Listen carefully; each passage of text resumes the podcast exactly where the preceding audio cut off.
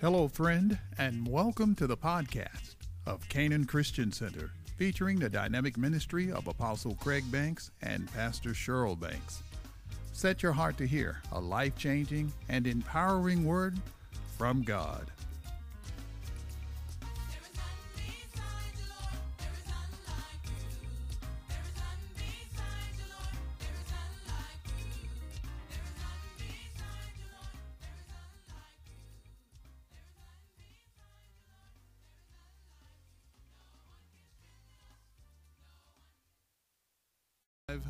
Find verse 21. It says, For he made him who knew no sin to be sin for us, that we might become the righteousness of God in him. Look at your neighbor, say, I'm righteous. Tell somebody else, say, I am righteous. Say, He made me so. Amen. Psalm 7 and verse 9. Psalm 7 says, Oh, let the wickedness of the wicked come to an end, but establish the just.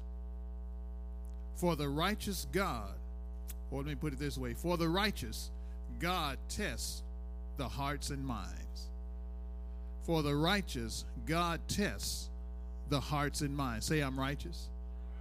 How many of you believe that you are righteous? Amen. Now, because of that, God tests the hearts and the minds of the righteous. So that means he's going to pull an inspection. And that's what I want to talk to you about today. God inspects what he expects. God inspects what he expects. We, uh, as believers, we have kind of drifted in many ways from realizing how much God expects of us and how much he expects from us because he has given us so much when I don't know what he's given to me and I don't focus on it and I don't realize the magnitude of what he's given to us, uh, then I will neglect the majority of it. And then what I have held on to, I'll try to live my, my entire Christian life with that little bit that I've held on to when I can't be successful as a Christian having neglected a big part of what he's given to me. Does this make sense? And so we got to understand that we are somebody. Let me tell you this uh, pull your heart back out. Because when you start hearing something like this, it, it's like, oh, Lord. And we shut back. We shut down. We pull the curtain or the shade on, on the Lord. And we sit there with a pasted grin. God never condemns. This is not to condemn, this is to challenge your heart and for you to understand that in this day and time that we live in, we must be in, in the position that God wants us in so that we can do what He wants us to do. Amen. Because somebody's life is dependent on you. What He's given to us is of tremendous magnitude and has tremendous force with it because it is something that is ordained of God. It is something, an assignment of the kingdom of God that He has hand delivered to you and he wants it accomplished. So a lot of believers are in I've discovered are in a perpetual struggle to overcome the operations of sin in their life.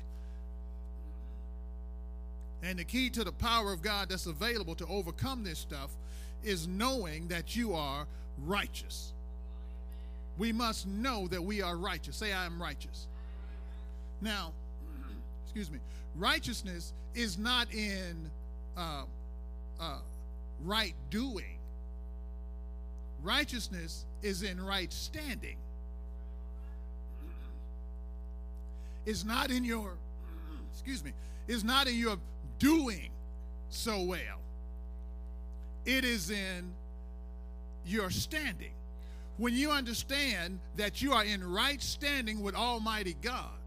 Now, I mean, you got to understand that. Anybody discovered that you can miss it? Anybody discovered that you can miss it royally? Once you're born again, you are in right standing with God. He has made us the righteousness of God in Christ Jesus. So we are righteous. Say, I'm righteous. When I understand that I am in right standing with Almighty God, that doesn't change if I mess up. What the devil seizes upon is my lack of understanding or where I have played that down or hadn't really given it much attention.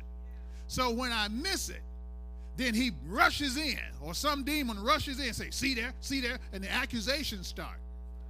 But if you don't know that you are righteous to the core,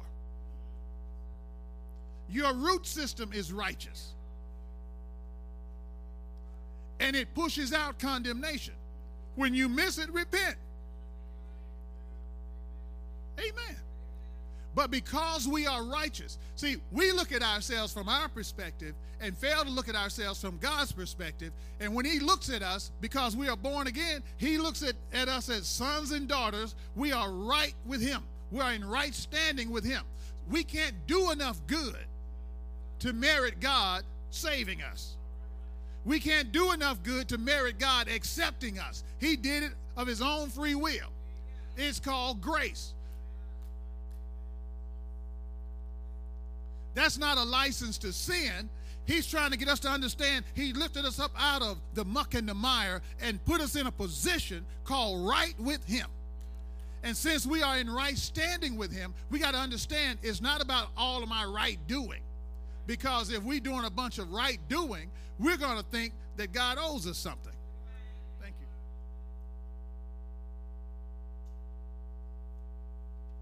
you. Yeah we'll think, come on now, because the Bible even talks about if you work, those wages are not considered uh, a um, uh, a grace gift because you earn that. That's yours. You worked for that. But if it's a gift, you didn't earn that. It's what it is. It's a gift. So God has given us the gift of right standing with Him. He chose to do it. He did it through Jesus. And so we got to understand that righteousness is not in right doing, but in right standing before God because of this. Because of right believing.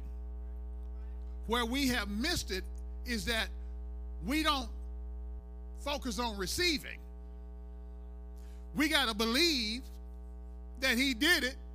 Jesus did. He finished the work. Everything that needs to be done where our life is concerned, He's already finished it and we need to learn to receive. So we got to believe and receive. Say that with me. Believe and receive. Say it again. And when we do that, we it's a result of us uh, uh, believing right. When you believe right, or, or you understand His finished work, because it's finished, then you believe right. When you believe right, you can receive. When you receive, you understand that, hey, I'm in right standing with God. It doesn't matter what you're feeling like. We got to always understand that we are righteous. He has made us righteous. And because we're righteous, he begins to pull inspection. Because of all that he's given to us. When you understand what that means to be in right standing with God, then you won't run from his inspection. Amen. And we got to keep this in mind that all the time the Lord's eyes are upon us. His eyes are upon the righteous. Because God is excited about what he has put on the inside of you. He's excited about the assignment that he has given to every one of us. The question is, are we excited or have we lost our excitement? So since we're righteous, here's what he does. Go to 1 John chapter 2 and verse 29. I want you to look at a couple of verses of scripture. Uh, 1 John 2 and then 1 John chapter 3. He teaches us to, uh, because we are righteous, he begins to teach us to operate as righteous. We don't do good things to be righteous. We do good things because we are righteous. Same words, but put in a different position. Because I stand right before God, He's committed to me functioning in this earth just like Him. If I say I have faith, then the proof of it is that I will be doing what the Word says the way he says, I will be mimicking Christ himself. First John 2 and verse 29. Keep in mind that he teaches us to operate as the righteous. it says, if verse 29 says, if you know that he is righteous, that he is righteous, then you know that everyone who practices righteousness is born of him. So you can say it like this if you're born again, you practice righteousness because you're righteous. Look over in chapter 3 and verse 7. Little children, let no one deceive you. He who practices righteousness is righteous, just as he is righteous. Amen. Now, here's the second reason. Because we're righteous, here's the second thing he does.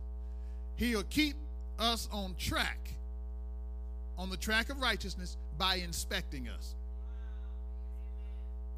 How many of you be honest and say the Lord, He, he been dealing with you about about some things that uh, you really didn't think you weren't thinking about, and He just started dealing with your heart about some stuff. Yeah, everybody in here.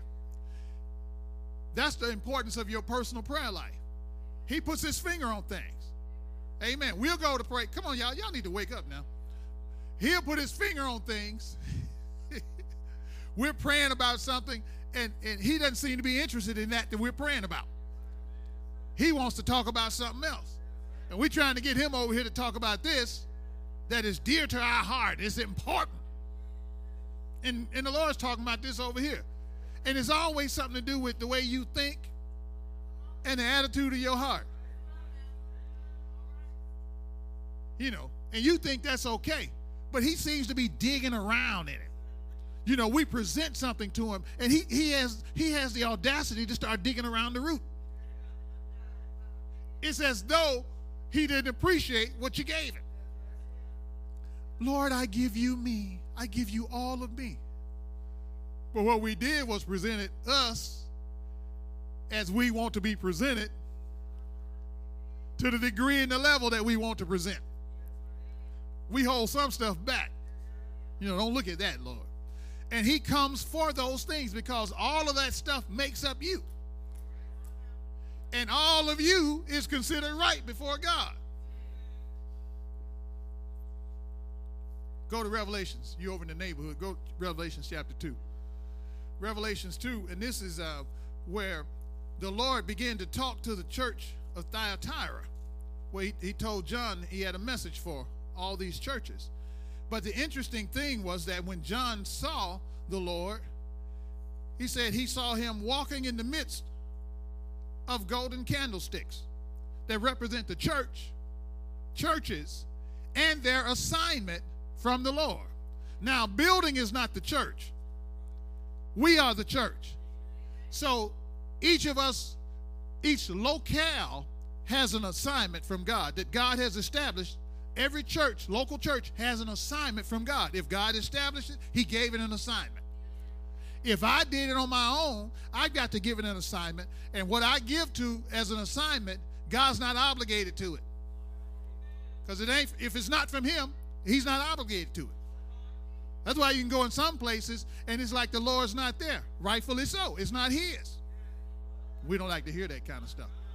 But if God has established a local assembly, that means uh, in the Greek it's called the ecclesia. I'm going to tell you in a minute what that represents so so you can get your your thinking straight about yourself. But he was walking in the midst of the seven uh, churches or the seven golden candlesticks that represent the churches and he gave john a message. He was walking in the midst but when he walks in the midst it refers to this. He was observing each one in detail. So if he observed the local church in detail he observes the people in the church in detail because the people are the church. Say, I'm the church. Say, I'm the ecclesia.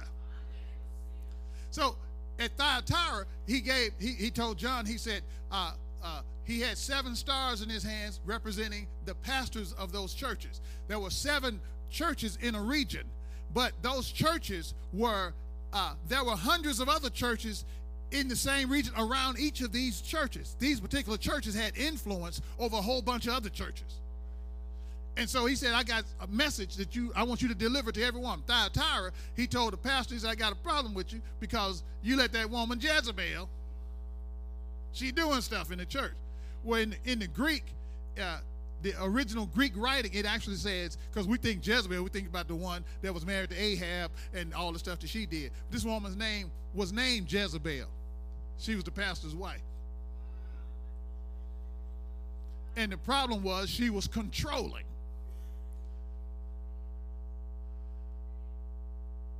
And it caused problems in the church. but look at what he said. Look at look at look at verse 23. This this will get you. Because a lot of folks think, well, you know, we be quoting scriptures out the Old Testament and stuff like that. But I want you to know that the Lord is the same yesterday, today, and forever. Look at verse uh, 23. He said, I will kill her children with death, and all the churches shall know that I am he who what?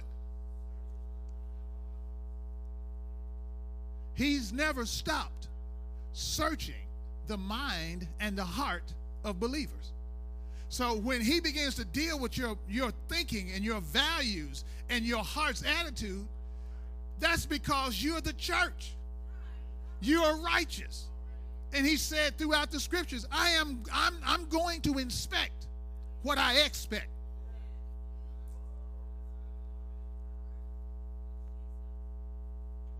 He said all the churches, say all the churches.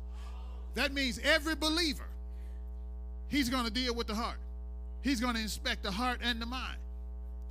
Now, this word uh, church is where uh, it's the Greek word ecclesia, which is where we get the church from, the word church, but it represents or it means a very prestigious group of people. Say, I'm somebody.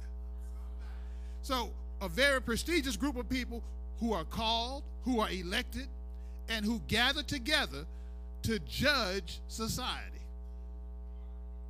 Now, if we're to judge society, in other words, set order, don't you know that as the righteous, we're going to have to do it God's way? So when he pulls in, he comes and tests the hearts and mind, it's not to pick on us. It is so that we'll be positioned in the proper order that he has ordained so that when we uh, make decisions in this earth realm, in our cities and in our communities, in our state, in our nation, that it would be to the good and the glory of God and the good of mankind. It won't be from selfish reasons and motivations.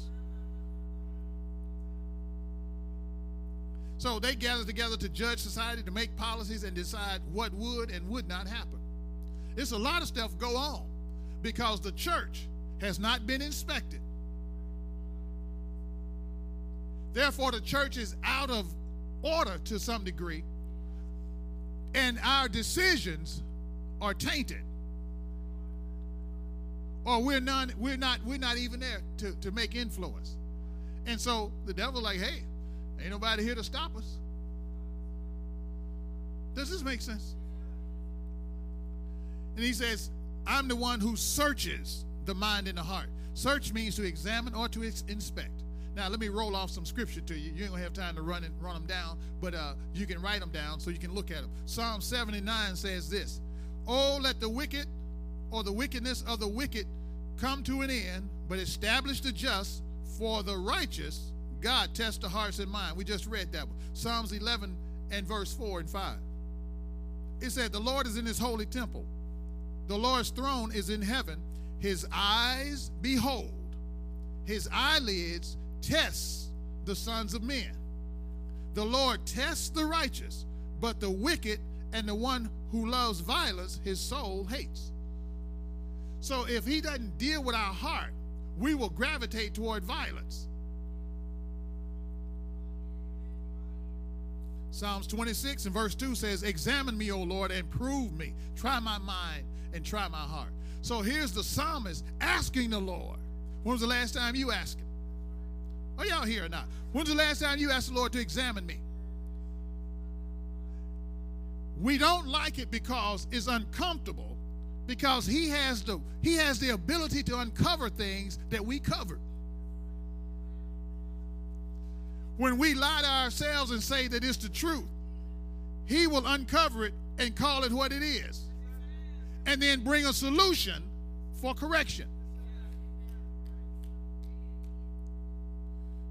Oh, we can't hardly get nobody in here. Psalm 17 and verse 3. It says, You have tested my heart, you have visited me in the night, you have tried me and have found nothing.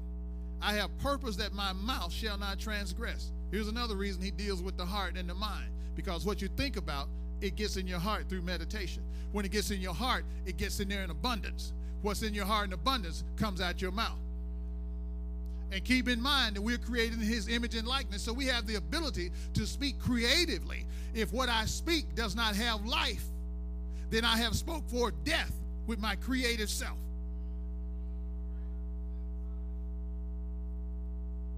Jeremiah 17 and 9 and verse 10 says, The heart is deceitful above all things and desperately wicked.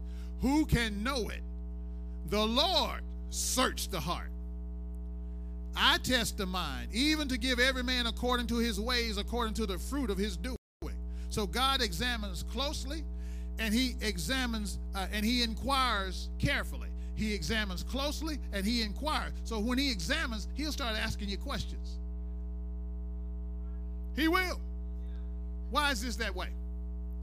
Why did you do that? Why do you do what you do?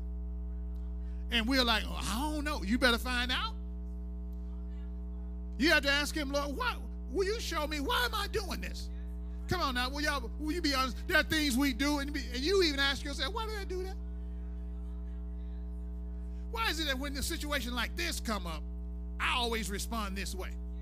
You got to find out because if not, you will always be in that cycle.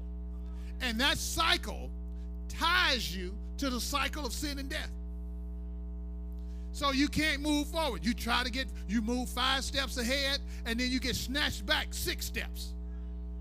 Do that several times, and you keep, it's like, I'm going backwards. With all this effort, I'm not making any ground. You get frustrated, you'll shut down, and you'll opt for something else.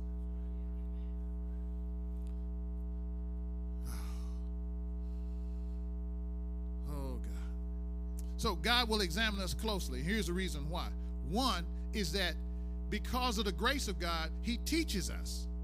Titus says that the grace of God bring that brings salvation teaches us to deny ungodliness, worldly lust, and to live soberly, righteously, and godly in this present age. So he's committed to teaching us. This is why he inspects us. Because we are righteous, he must teach us how to live righteous. Not when you get to heaven, now. The second thing is that because we're his children, he has, we got to understand that he has personally, listen to this, personally given each of us a kingdom assignment. And that assignment requires commitment on our part. And the commitment is not one time, it's all the time. How would you feel, or put it, let me put it this way envision everywhere you go, even at home, the Lord is watching you not from afar. He's right there watching you. Come on, y'all know there's some things you don't do because somebody's with you. I'll talk to y'all. There are things that you don't do. Now, when you're alone, you might do it. But when you're with somebody, you don't want them to see you do what you do. So you be on your good or your best behavior.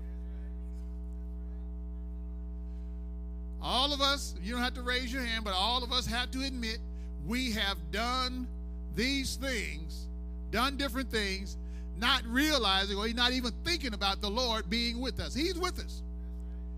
When he walked in the midst of the seven golden candlesticks, he's walking in the midst of the church, inspecting them because he knows the assignment that he's given to each one and what each one should be doing.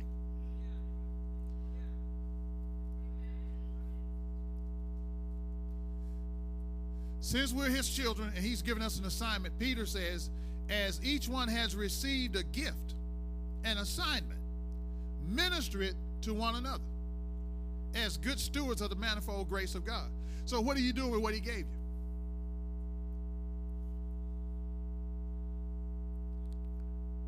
Well, Lord, look like this is only between me and you.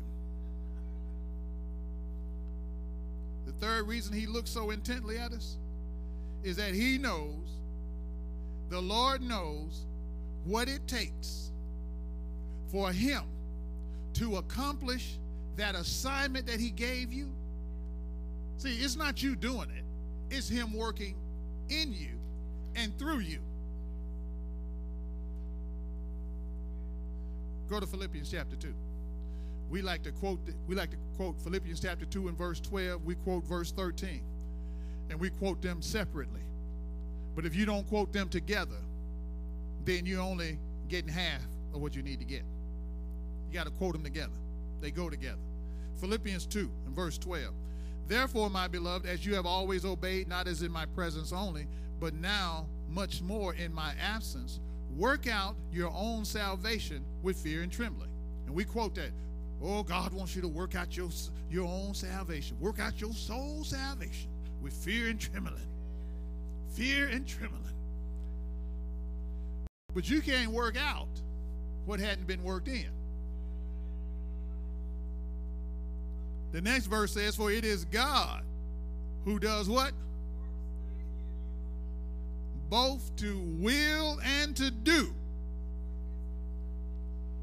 So he works his will in you.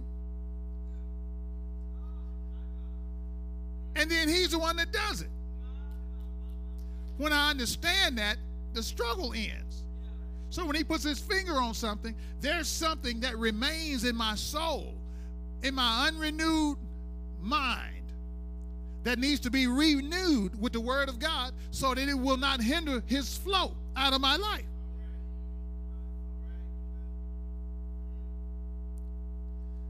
So you can't work out what hadn't been worked in. Watch this. Here's the third reason he inspects what he is and what he expects. Because we're righteous, he's going to deal with our heart. But the, the other reason that he inspects is because the devil is in the details. That's why he, he nitpicks around. Because the stuff that we neglect, that's where the enemy hide out at. Psalms 11 and 4 and 5 it says, The Lord is in his holy temple, the Lord's throne is in heaven. His eyes behold, his eyelids test the sons of men. The Lord tests the righteous, but the wicked and the one who loves violence his soul hates. So this word behold means to gaze continuously, to gaze continuously, looking at it, and then cut and dissect. So God looks intently at our life, and then he he separates the parts and cuts and dissects. Say, here's the problem. Amen. I shared this once before, but for a long time, I I struggled with uh, integrity issue where money was concerned. Pay your bills on time and stuff like that, and uh, you know, bad credit. Didn't care. Had a bad stank attitude about it too. I ain't getting, you know, ain't hurt nobody but me, but I don't think so. Come on, that make as much sense as somebody standing in the garage saying they're a Cadillac, cause you don't care. It's hurting you. And then when I would, I got to get. I, I know. I, I know this is not right. I got. I got. I got. I got to get on track. And I start trying to do right. And I go so far, and I slip right back into, because the mindset hadn't changed, and the heart's attitude hadn't changed, and it was because I had not allowed the Lord to examine my heart and my mind in this area. When I parked myself before Him and said, "Okay, Lord, here, as much as I understand, here." search my heart and my mind where this issue of credit worthiness or unworthiness is concerned. Come on now, you know, some folk credit so bad, it, they wear it. When they walk in, they, they tell them no before they even ask a question. Uh-uh. No, no. Absolutely not. When they would give cars away, even with high credit, you know, high credit interest, uh, they, they see you coming and say, no, you too much of a risk for us. That's bad. And he sat me down and began to nitpick. He told me first what the issue was, and I didn't see it. I didn't understand it. He said, he said, handling money is not your problem. It's like God is uh he must think I'm somebody else. You know, you know somebody be talking to you and it's like, well, you know, it's this is Craig. You know, this is not somebody else. He said, money is not your problem handling money is not, not your problem. It's like, you know, you're looking at everything, it's like, this joker can't handle money. He said, That's not the problem. He said, Your problem is you don't like you. You don't like your name. And then he started digging around and began to show me some things to correct bad thinking or wrong thinking or wrong heart's attitude. The Lord has to dig around and take you back in your history. Not pulling up your past, but to show you this is where it started. And that's what has to be dealt with.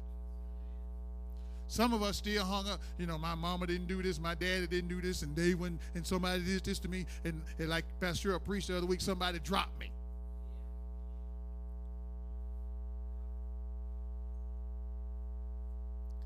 Do I stay there? Do I hold them hostage? They didn't give me no party when I was when my, my eighth birthday. They didn't give me no birthday party. They damaged me. Come on now, you you 74. You still want your eighth birthday party. Now, how would you look? At your age, getting your eighth birthday party. Pointed hat, woo, woo, tuna fish and crackers, and some old maid cards. It didn't happen, so leave it. And the Lord began to deal with me about it. He took me all, took me back and showed me where it started. I broke down like a baby. But that's where he began to fix it. And because of that, I was able to get up out of those ashes and walk forward. And then I began to see I didn't have a problem with handling money. The problem really was that I didn't like me. Then I began to like me. When I like me, I like my name. When I like my name, the Bible says a good name is better to be had than, than riches and jewels and all that stuff. And, and it started taking off. When things are in order, your life will take off. And when God examines, He's just trying to get everything in order, so it'll take off. You're programmed to succeed. Does this make sense? So, what are the details? All that to get you to this point. I got three minutes. Listen to this. Here's what the Lord, he, he, he, he stopped me a few weeks ago and began to talk to me about this. He said, This is what I want, son. I want the deepest part of your heart and your mind and your beliefs and your values because the deepest parts trigger the warrior in you. Anybody be honest and say, you know, certain things happen, and boy, the fight, the fighter rise up in me. That's the part that you haven't let him have. Because he said, I want that. Because the deepest part of you is what triggers the warrior.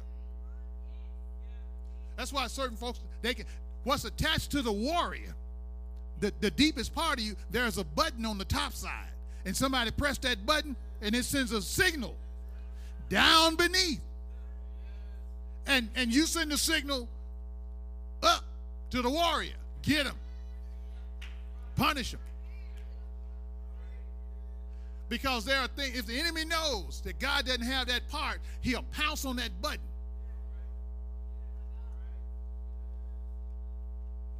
That's the part of you that says, enough is enough. You know, when you've had enough, you even do it with God. Forget it. Enough. And you'll quit. He says, I want that part of you. Does this make sense? It's the place where you take up arms. It's the place where you pull out your armor. When you pull out your armor, you're ready to do some serious damage. All of us know we can be destructive. Here's something that got me. He said, that I want the place in you where you reveal and release your jewel. I'm like, your jewel? He said, that's the thing that is most precious to you. We still hold on to something that's most precious to us. God said, I want it. So he comes to examine. I don't have what's most precious to you. So that means God has to take at least at the most a second place.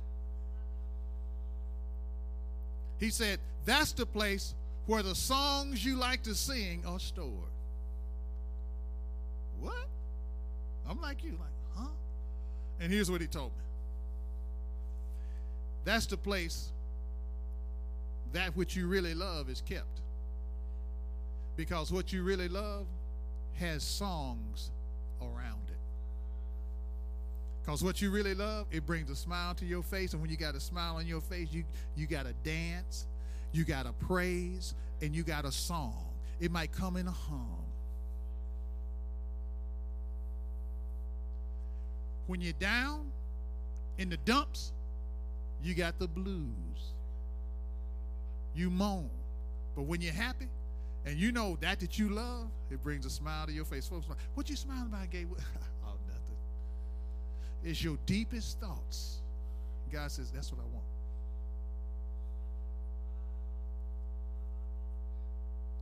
Let me tell you this. He said, son, like all of us know about blinds. If you go and look at your blinds, you know, there's you got the string that when you pull it, it'll go up or let it down. If you look at it carefully, there's a knot at some point on those strings.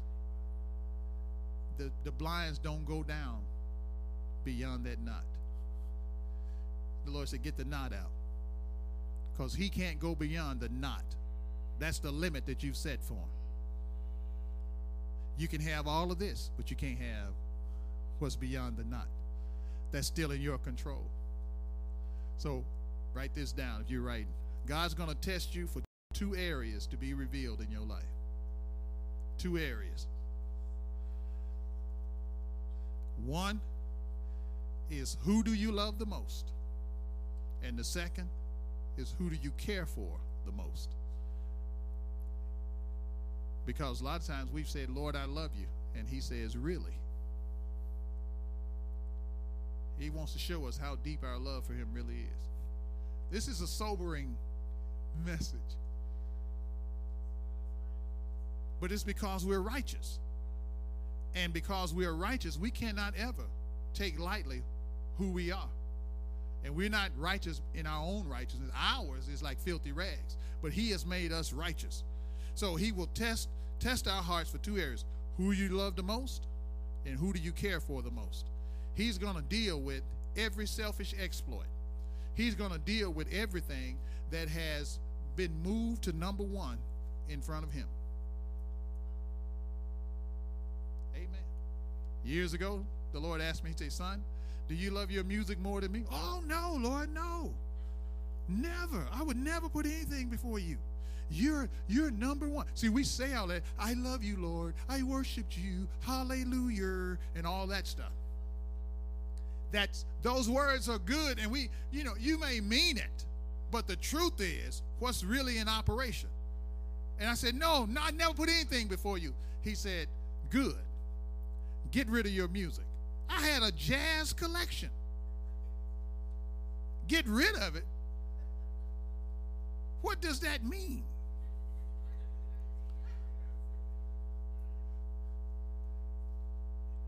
He said, Get rid of it. And I could not respond. I'm dumbfounded because now I'm faced with something. I realize not that this has a hook in me. I mean, this is woven into me. To get rid of it is to snatch the sweater off. I love this sweater. And it hit me. I loved it more than I did him and I'd be fellowshipping with him.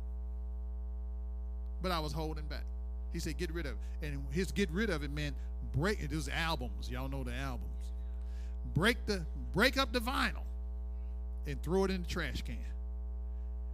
And I thought, what I'll do is I'll set it out on the curb next to the trash can.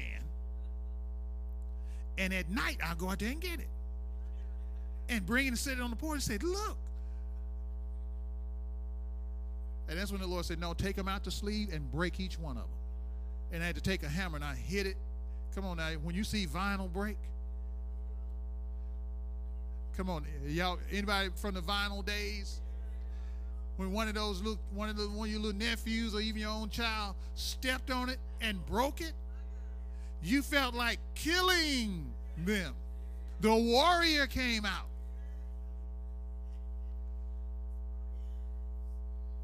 I broke them all up. I said, Lord, I don't want to ever have anything before you. It was years, about 12 years past.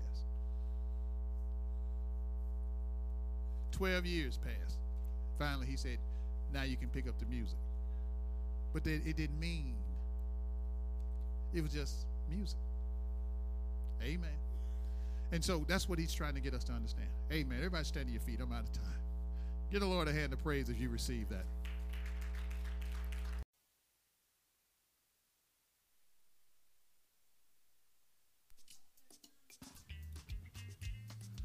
We trust that you were blessed by this dynamic word. Visit us online at ccctr.org and allow Christ to reproduce his heart in you, the heart of the ideal servant.